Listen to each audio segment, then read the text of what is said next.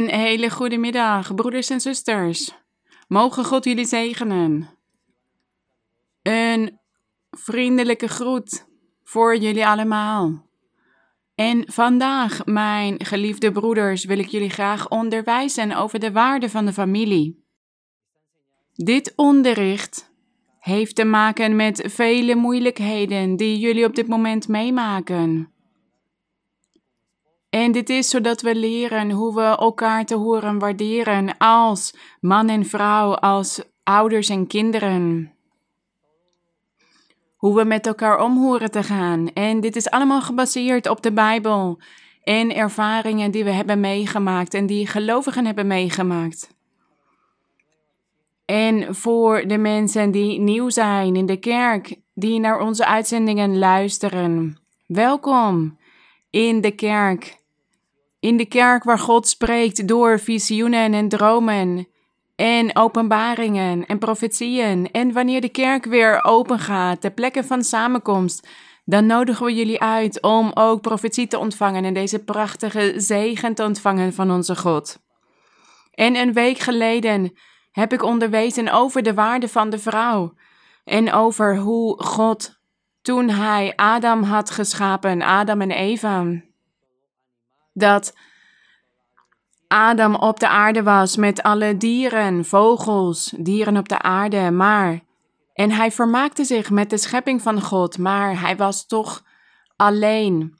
En God wist toen dat hij een hulp voor hem moest maken, als iemand tegenover hem. En daarom heeft hij ook de vrouw geschapen uit de rib van de man. En zo heeft hij gewild dat er iets is ontstaan dat we nu de familie noemen of het gezin. En we gaan vandaag hierover leren. Wanneer een man en een vrouw zich verbinden, of dit nou via de kerk is, of dat ze besluiten om samen te gaan wonen als stel. Om in dezelfde woning verder te gaan met z'n tweeën. Vanaf dat moment beginnen ze een familie te vormen, een gezin. En uit die liefde, uit die verbintenis zullen kinderen voortkomen. En God onderwijst ons, bijvoorbeeld in Efeze hoofdstuk 5, vers 21. Hier zegt hij: Wees elkaar onderdanig in de vreze Gods. Wat betekent dit? In de vreze Gods. Dit betekent dat wij moeten leren om samen te leven. In een huwelijk gaat het er niet om wie de ander het meeste oplegt of wie de baas is. Nee, het gaat daarover dat we samen leren te leven en toe te geven. En dat wij onze naaste, degene die het dichtst bij ons is, onze man of onze vrouw, gelukkig kan zijn. En daar nodig ik jullie voor uit om elkaar onderdanig te zijn. Dus het gaat er niet om wie er meer aan de ander oplegt. Laten we volwassen zijn. En laten we leren elkaar onderdanig te zijn. Wie heeft op dit moment het beste idee? Laten we dat doen. Want wanneer een stel zich verbindt dan willen ze samen verder gaan en horen ze ook naar elkaar te luisteren en samen idealen te vormen voor een toekomst, zodat ze beiden gelukkig kunnen zijn met de toekomst. En dat wanneer ze, en die liefde die ze beleiden op het moment dat ze trouwen, dat die blijft bestaan, zolang ze leven. Dus, mijn broeders, God zegt hier: wees elkaar onderdanig en hoe moeilijk is dit? Elkaar onderdanig te zijn. Waarom is dit zo moeilijk? Omdat er veel trots is en ijdelheid. En er zijn ook vervloekingen, tovenarijen, kwade geesten. In de Bijbel lezen we dat de hele wereld in boze ligt, of dat het in de macht van de duivel is. En zij lijden hieronder omdat zij niet tot God zijn genaderd omdat ze zich niet aan God hebben overgegeven.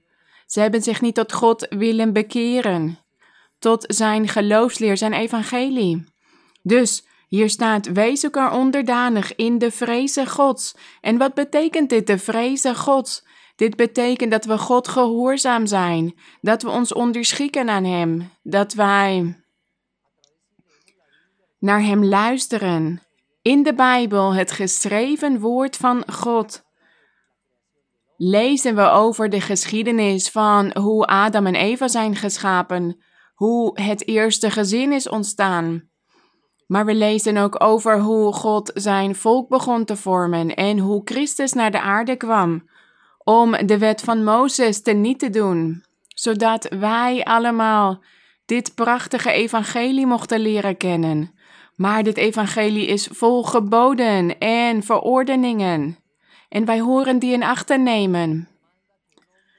Net zoals wij in een huwelijk elkaar onderdanig moeten zijn, zo moeten wij dit ook met God zijn. We moeten God ook onderdanig zijn en hem veel respect voor hem hebben en eerbied, want hij verdient de glorie en de eer die God die leeft.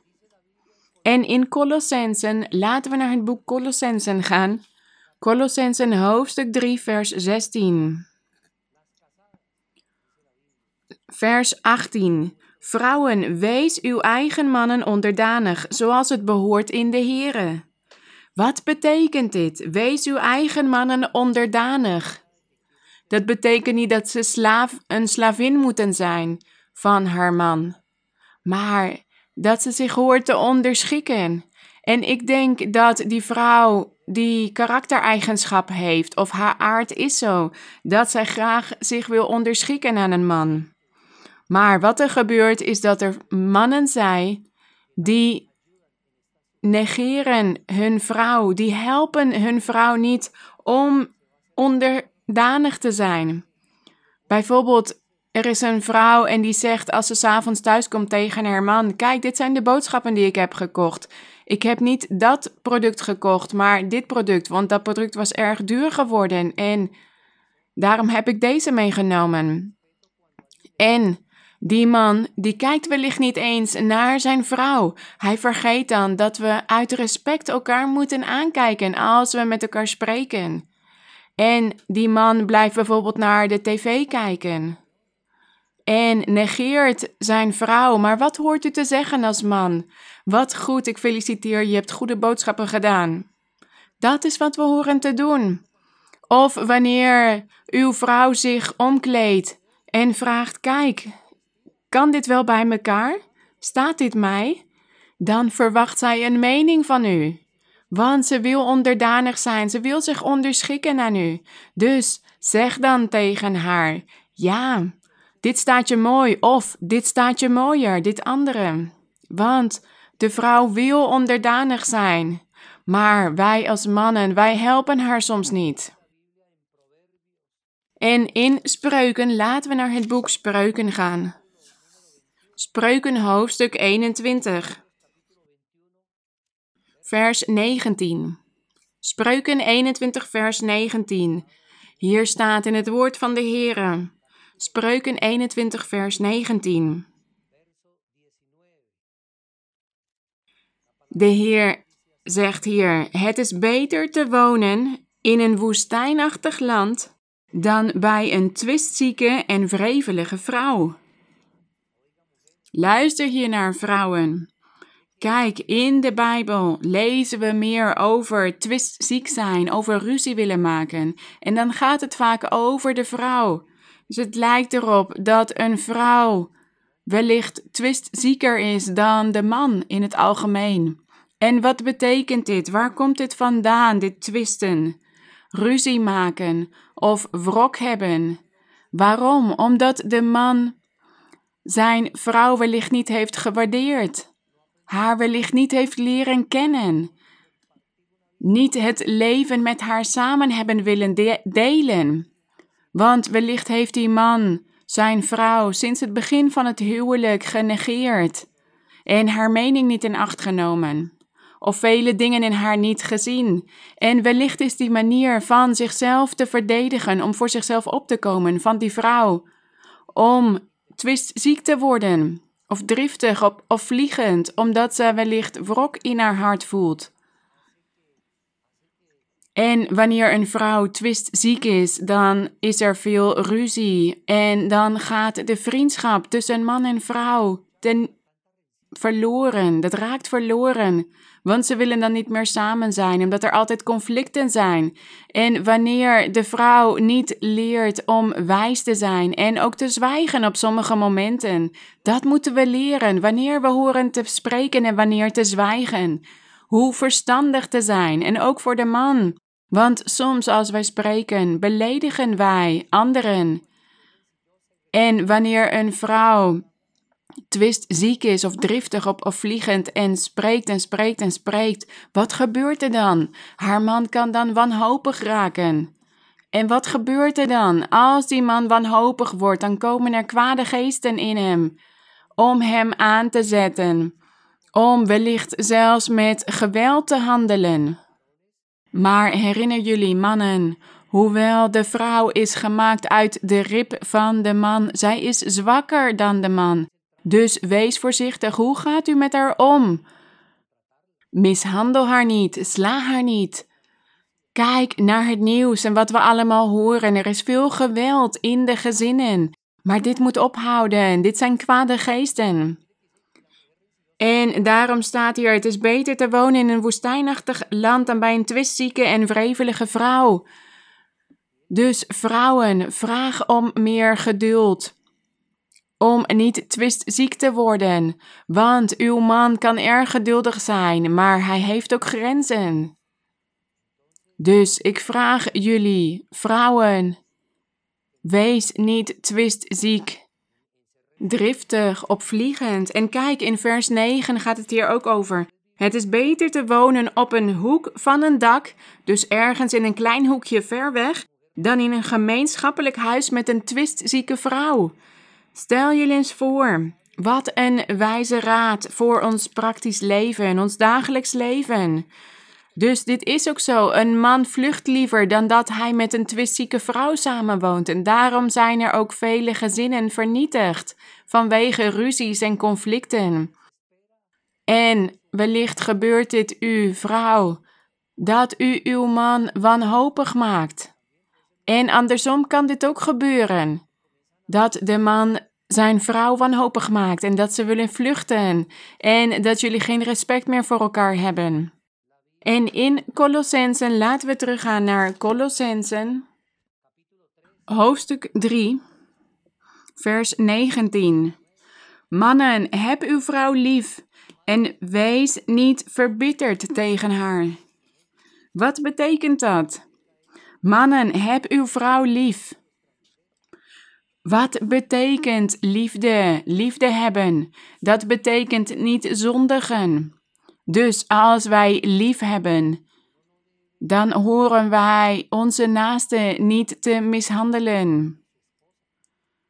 Dan horen wij haar niet te vernederen of beledigen of ontrouw zijn. Dat is liefhebben, als wij dat niet doen. Niet, ik zondig niet en ik laat haar ook niet zondigen.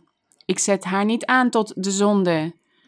Waarom? Omdat ik van God hou boven alles en vanwege mijn liefde voor God laat ik de zonde achter me. En zo heb ik ook geleerd om van mijn naaste te houden. En wie meer dan mijn vrouw, van wie ik hoor te houden, zodat mijn vrouw zich geëerd voelt. En hier staat nog meer: wees niet verbitterd tegen haar. Wat betekent dat? Mishandel haar niet of wees niet sterk met haar, streng. En beledig haar niet. Behandel haar op een zachte, voorzichtige manier. Want God is het die dit zegt. En de vrucht van de verbinding van een man en een vrouw zijn hun kinderen. En wanneer een vrouw moeder wordt, dit is prachtig. Wanneer zij kinderen krijgt en zij voelt eerst in haar baarmoeder hoe daar een kind begint te groeien en hoe die baby begint te schoppen in haar buik, in haar baarmoeder. Dat is een prachtig moment en zij voelt dan, dit is van mij. En wanneer dit kind geboren wordt, hoe prachtig is dit ook voor de vader en voor de moeder, voor allebei. Maar vrouwen, omdat jullie moeders worden, zijn geworden, betekent het niet dat jullie geen echtgenoten meer zijn. Want het gebeurt soms dat wanneer een vrouw moeder wordt, dat ze dan alleen nog maar aan haar kinderen denkt en niet meer aan haar man. Maar u moet uw man blijven verwennen. En als man ook moet u uw vrouw blijven verwennen, ook al hebben jullie kinderen. Er moet altijd die liefde tussen jullie blijven bestaan. Dat jullie verliefd op elkaar blijven en dat jullie elkaar mooie woorden vertellen of cadeaus geven. Die liefde. Ik zondig niet en ik laat mijn echtgenoot of mijn echtgenote ook niet zondigen. En ik wil dat hij of zij zich ook geliefd voelt en gerespecteerd. Dus alles in evenwicht. Ja, we horen ouders te zijn, we worden moeder en vader, maar we zijn nog steeds echtgenoten en echtgenoten. En we zijn als ouders beschermend. Wellicht zijn de vrouwen overbeschermend soms, maar wij als mannen, wij zijn ook beschermend. En wat mooi als de kinderen dan beginnen op te groeien en ze beginnen te kruipen en we moeten op ze letten en we moeten bij ze zijn. En ze groeien op en we horen tijd met hen door te brengen, want dan zijn ze drie, vier, vijf, zes jaar. En dan zijn hun ouders hun helden. Waarom? Omdat die ouders een goed voorbeeld aan het geven zijn aan hun kinderen. Van die liefde in het echtpaar, in het gezin. Daarom, wanneer papa en mama ruzie maken, is dat voor kinderen zo moeilijk om te zien. Dus, broeders en zusters, let goed op. Maak geen ruzie voor de ogen van jullie kinderen, want jullie weten niet welk kwaad jullie daarmee aanrichten. Als er iets is waar jullie het niet mee eens zijn, spreek dan met elkaar. Op een moment dat jullie alleen zijn. Want jullie kinderen zien jullie als hun helden. En dat is ook een onderdeel van het niet zondigen. Dat we hen een goed voorbeeld geven. En geluk en blijdschap en vreugde. En Wellicht komen we een keer thuis en we zijn moe en u heeft een zoon van vijf of zes jaar oud en die kijkt naar een tv-programma. En u komt thuis en u gaat zitten en u pakt de afstandsbediening en u zet het nieuws op of een film voor uzelf. En uw zoon gaat dan weg en wellicht heeft hij een andere tv op een andere kamer en begint hij daar alleen verder te kijken. Maar dit hoort niet zo te zijn. We horen tijd samen te delen. Dat is de waarde van de familie, dat wij samen de tijd doorbrengen, dat we vrienden van elkaar zijn, als ouders en kinderen, en dat man en vrouw ook vrienden van elkaar zijn. En dat de kinderen altijd in hun moeder en vader wijze mensen zien, die kunnen luisteren. Dus niet alleen maar terechtwijzen en vermanen, maar ook raad geven. We moeten leren om onze kinderen raad te kunnen geven en te kunnen onderwijzen wat het goede en wat het kwade is. Als jullie kinderen nog klein zijn, onderwijs hen dan de weg van God. En als ze al wat groter zijn, zet hen dan aan om zelf God te zoeken. Dat is wat wij horen te doen als ouders. Nu wij het evangelie hebben leren kennen, nu wij de kerk hebben leren kennen. Nu wij deze levende God van Abraham, van Isaac, van Jacob hebben leren kennen, die spreekt en die het hart en het verstand doorgrondt en die ons beloften doet en die beloften nakomt en ons gelukkig maakt. Als mens, als individu, maar ook als familie, als gezin in de maatschappij. En daarom heeft de familie zoveel waarde. En we hebben het nu over de familie. En het is mooi als wij als ouders altijd met onze kinderen kunnen blijven spelen. En wellicht zijn ze dan 12, 13, 14 jaar en ouders zeggen dan: ja, ze zijn zo koppig geworden, opstandig, rebels. Maar broeders, wellicht zijn ze opstandig geworden omdat u ze niet genoeg aandacht hebt gegeven toen ze klein waren. Daarom is het nooit te laat om tijd met hen te delen. Vragen en hoe is het op school gegaan? Wie zijn je vrienden? Met wie speel je? Met wie breng je tijd door? En nu in deze momenten van thuisisolatie, hebt u wel tijd genomen om met hen te spreken of een spelletje met hen te doen of samen te eten? Hebt u tijd doorgebracht met uw kinderen? Zoek naar die vriendschap met uw kinderen. Want uw kinderen zullen groter worden en ze willen onafhankelijk worden, zelfstandig. Maar als wij als ouders altijd een goed voorbeeld voor hen zijn, dan zullen ze ons altijd blijven zoeken, hoe oud ze ook zijn. En dan zullen we hen altijd raad kunnen blijven geven. En hier staat in vers 20 van Colossensen 3. Kinderen, wees je ouders gehoorzaam in alles, want dat is wel behagelijk voor de Here. Dit is het evangelie, de weg van God om God te behagen. En dit horen wij te doen als man, als vrouw, als echtgenoot, als echtgenote, als ouder, als kind. Dat wij God behagen in alles met onze handelingen, met onze gedachten, met onze manier van leven en handelen en werken en studeren.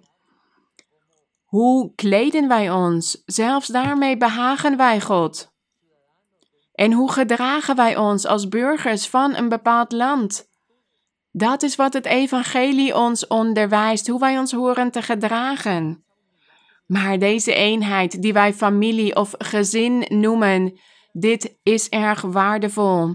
En jullie als ouders hebben een grote verantwoordelijkheid om jullie kinderen als goede mensen op te voeden. Want als we naar de wereld kijken, de wereld is in de macht van de boze. Maar wij horen anders te zijn. Wij horen mannen en vrouwen van God te zijn. En hier staat dus: Kinderen, wees je ouders gehoorzaam in alles. Welke raad is beter dan een raad van papa of mama? Want er zullen altijd situaties zich voordoen in ons leven en ook in het leven van onze kinderen. En wij als ouders, wij horen die capaciteit te hebben om hen raad te geven. Dus hoe meer geloofsleer wij kennen, hoe beter wij onze kinderen ook raad kunnen geven en hoe beter wij kunnen zijn als echtgenoot of echtgenote. Het is mogelijk met de geloofsleer. En er zal een moment komen dat onze kinderen uit huis zullen gaan en dat ze zullen trouwen en dat ze hun eigen gezin, hun eigen familie zullen vormen. Weer een eenheid, een nieuwe eenheid, een nieuwe familie. Jongeren, jongeren die al getrouwd zijn, leer om tolerant te zijn, om te kunnen verdragen, om geduldig te zijn. En leer ook dat er bepaalde dingen zijn in ons gezin, in ons, als we getrouwd zijn, dat we, die moeten we zelf oplossen met onze vrouw of onze man. Dat we niet alles hoeven te vertellen aan onze ouders wat betreft de problemen in ons eigen huwelijk. Want een ouder zal altijd verblijd raken als er mooie momenten zijn in het leven van hun kind. Maar ze zullen ook verdrietig raken als er moeilijke momenten zijn. En jongeren, jullie horen te leren dat wanneer jullie een eigen gezin hebben, een eigen vrouw of een eigen man, dat jullie raad kunnen vragen aan jullie man, aan jullie ouders aan jullie vader of moeder als jullie hebben gezien dat ze wijze mensen zijn. Maar als er specifieke problemen zijn met uw eigen vrouw of uw eigen man, los dit dan zelf op. Want als u dit aan uw ouders gaat vertellen, wellicht ontstaat er dan wrok tussen de families. Dus er zijn bepaalde dingen die we beter voor onszelf kunnen houden. En aan onze ouders vertellen wij onze blijdschap, onze mooie momenten. Zoveel hebben de ouders gedaan voor hun kinderen. Maar we moeten altijd die goede relaties in stand houden. En laten jullie als jongeren ook altijd gedenken. Wellicht gaan jullie reizen en nieuwe talen leren kennen en vele dingen doen, maar herinner jullie. In jullie jeugd hebben jullie ouders van alles opgegeven om bij jullie te zijn, om voor jullie te zorgen, om jullie het beste te geven. En hier staat in vers 21: Vaders, terg uw kinderen niet, opdat zij niet moedeloos worden. Wat betekent dit? Er zijn verschillende manieren waarop we tot onze kinderen kunnen spreken. En er zijn ouders die willen erg dominant of erg dwingend zijn. Maar als wij leren hoe wij een dialoog kunnen voeren met onze kinderen, dan zullen we zien hoe onze kinderen ons zullen respecteren en ons zullen gehoorzamen. Maar er zijn ouders die willen alles opleggen en die zijn heel dwingend. En wat betreft hun kinderen, en daarom staat hier: terg uw kinderen niet, opdat zij niet moedeloos worden. Want dan voelen zij zich niet meer op hun gemak bij jullie en beginnen ze boos te worden. En daarom staan er vele jongeren op tegen hun ouders en geven ze antwoord en zijn ze respectloos tegen hun ouders. En dit doen die jongeren dan, maar wie heeft dit veroorzaakt? Jullie als moeder of vader, omdat jullie twistziek waren geworden of niet wijs zijn omgegaan met jullie kinderen of omdat jullie te dwingend zijn geweest omdat jullie alles hebben willen opleggen. We moeten leren onze kinderen te leren kennen, zodat we hen niet hoeven te tergen, zodat we hen niet boos hoeven te maken, zodat ze respect voor ons blijven voelen. Daarom horen we ook geduldig te zijn. Wij als ouders, we zullen altijd beschermend zijn wat betreft onze kinderen, dat is onze aard. Maar kinderen, begrijp ook jullie ouders, wees geduldig met hen. En jullie ouders, Weet hoe tot jullie kinderen te spreken, zodat zij niet getergd worden. En zodat zij naar jullie raad blijven luisteren, want dat is de beste raad, een raad van vader of moeder. En in Efeze, in Efeze hoofdstuk 4 staat geschreven. Efeze hoofdstuk 4 vers 1 Zo roep ik, de gevangenen in de Here, u op tot een wandel die de roeping waarmee u geroepen bent waardig is. De apostel Paulus zei hier: Ik ben gevangen in de Here en ik roep u op tot een wandel die de roeping waarmee u geroepen bent waardig is. En als u hier voor de, als u voor de eerste keer naar deze uitzendingen luistert, dan betekent dit dat God wil dat u deze weg leert kennen, dat u weet dat God bestaat en dat Hij heel dicht bij ons is. En want de Heer Jezus had gezegd toen Hij wegging dat Hij een andere trooster zou zenden, die voor eeuwig bij ons zou zijn en ook in ons zou zijn, in ons hart, in onze gedachten. En God wil dit ook aan u geven. En Hij wil u ook roepen. Hij doet u een roeping op dit moment om kind van God te worden. Om die vrezen Gods te voelen, dat ontzag voor God en dat wij het beste geven van onszelf aan God, zodat God over ons kan zeggen: Ik zal deze uitkiezen voor het eeuwige leven voor dat grote geschenk dat ik heb voor de mensheid.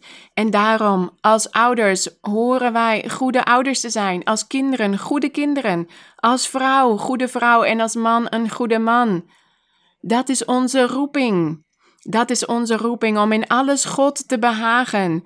Elk moment, elke seconde elke dag van ons leven. En daarom is het zo belangrijk om de Bijbel te lezen en om God om een gezond verstand te vragen, heilig te zijn. En tegen God te zeggen: Heer, we willen u behagen, we willen gelukkig zijn. En we willen dat dit gezin, dat er in dit gezin eensgezindheid is, harmonie, geluk. Maar daar moeten we naar verlangen. Zoals in vers 2 staat in alle nederigheid en zachtmoedigheid. Wat betekent nederigheid? Nederigheid, dat is de manier waarop wij handelen, dat wij soms toegeven, dat wij ons onderschikken, dat we onderdanig zijn, dat wij niet twistziek zijn en dat we juist conflicten vermijden. Dat is wat God van ons wil in alle nederigheid. Dus het gaat hier niet over fysieke armoede. Het gaat hier over onze manier van zijn, manier van handelen. Dus zonder hoogmoed, zonder hooghartigheid, zonder trots. En wat staat hier nog meer? In alle nederigheid en zachtmoedigheid. Zachtmoedigheid, laten we volgzaam zijn, luisterend, zacht. Dat is wat God van ons wil. Dat wij zacht met elkaar omgaan. Dat wij anderen goed behandelen. En hoe uiten wij onszelf? Hoe handelen wij? Hoe spreken wij? Dat is wat God van ons wil. Dat is onze roeping. Dat we nederig zijn en zachtmoedig. En wat staat hier nog meer? Met geduld door elkaar in liefde te verdragen. Wat betekent dit? Met geduld. En dat we elkaar verdragen. Dus we kunnen niet denken dat iedereen net als ons is. Net als wij zelf. Dat we zeggen, ja, ik ben zo, dus iedereen moet zo zijn. Nee, iedereen heeft zijn eigen manier van zijn, van handelen, van spreken. Laten we dus leren elkaar te verdragen, met geduld. Want we begrijpen dat iedereen zijn eigen persoonlijkheid heeft, zijn manier van zijn. En wat brengt ons samen? Onze liefde voor God. Onze liefde voor God is wat ons samenbrengt deze God kennen, want we hebben dezelfde roeping, Hem te behagen. En we willen Hem behagen, want we willen het eeuwige leven ontvangen.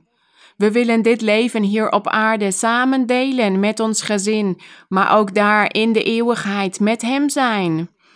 Want we noemen dit een eerste hemel als we God leren kennen hier op aarde. Maar dan moet God wel bij ons zijn en dan moeten we God wel behagen om dan uiteindelijk naar de hemelen der hemelen te gaan, om in de eeuwigheid te kunnen leven.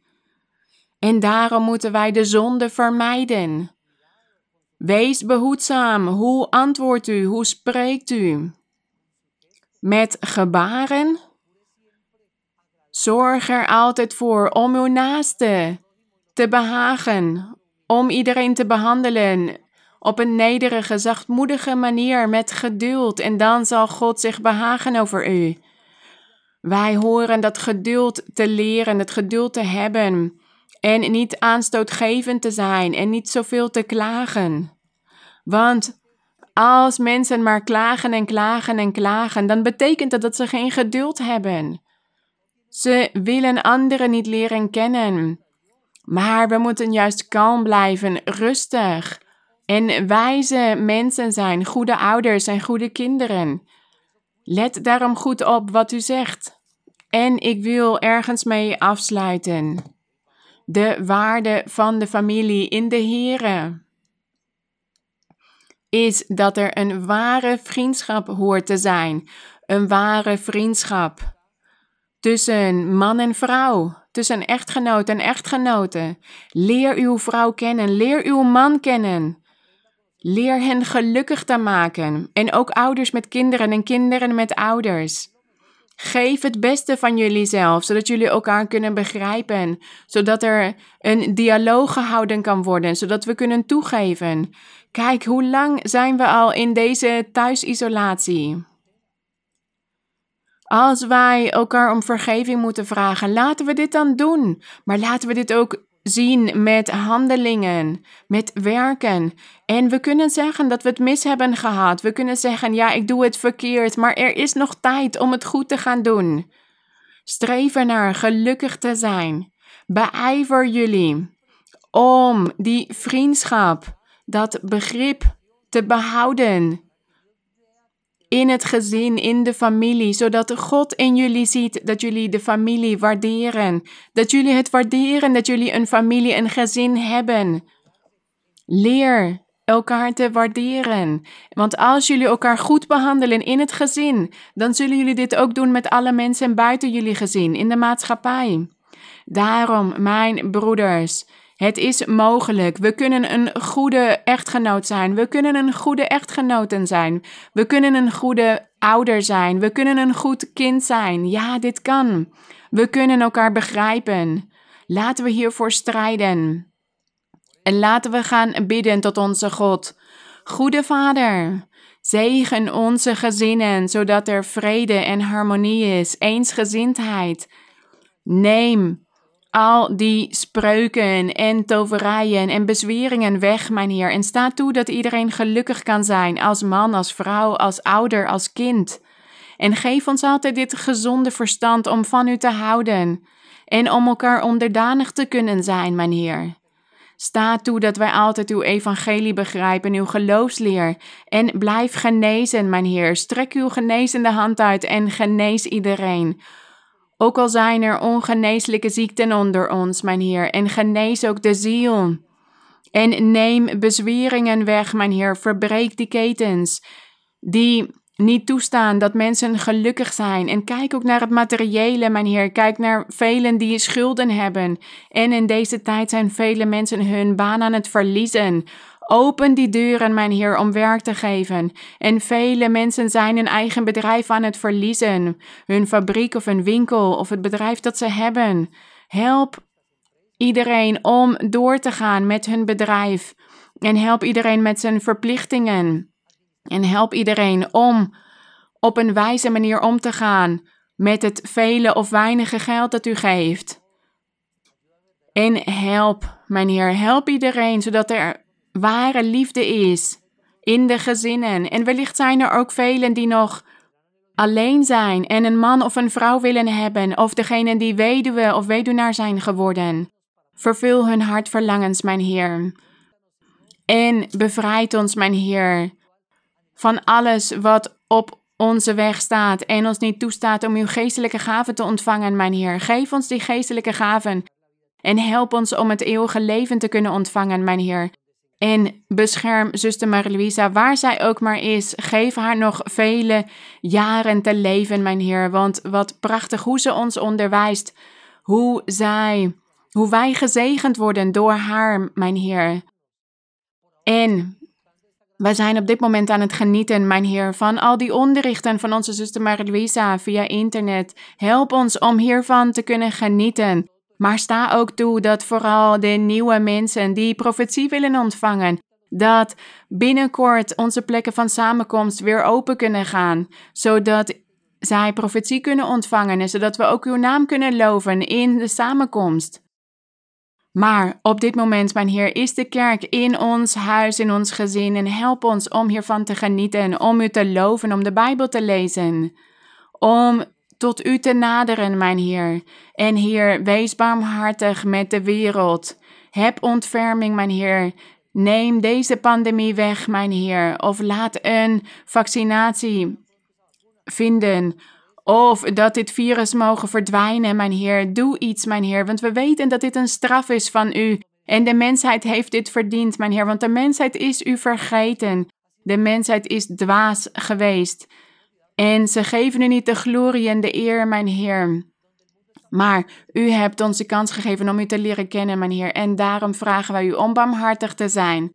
Wees barmhartig en help ons altijd om door te gaan in de naam van Christus Jezus. Amen.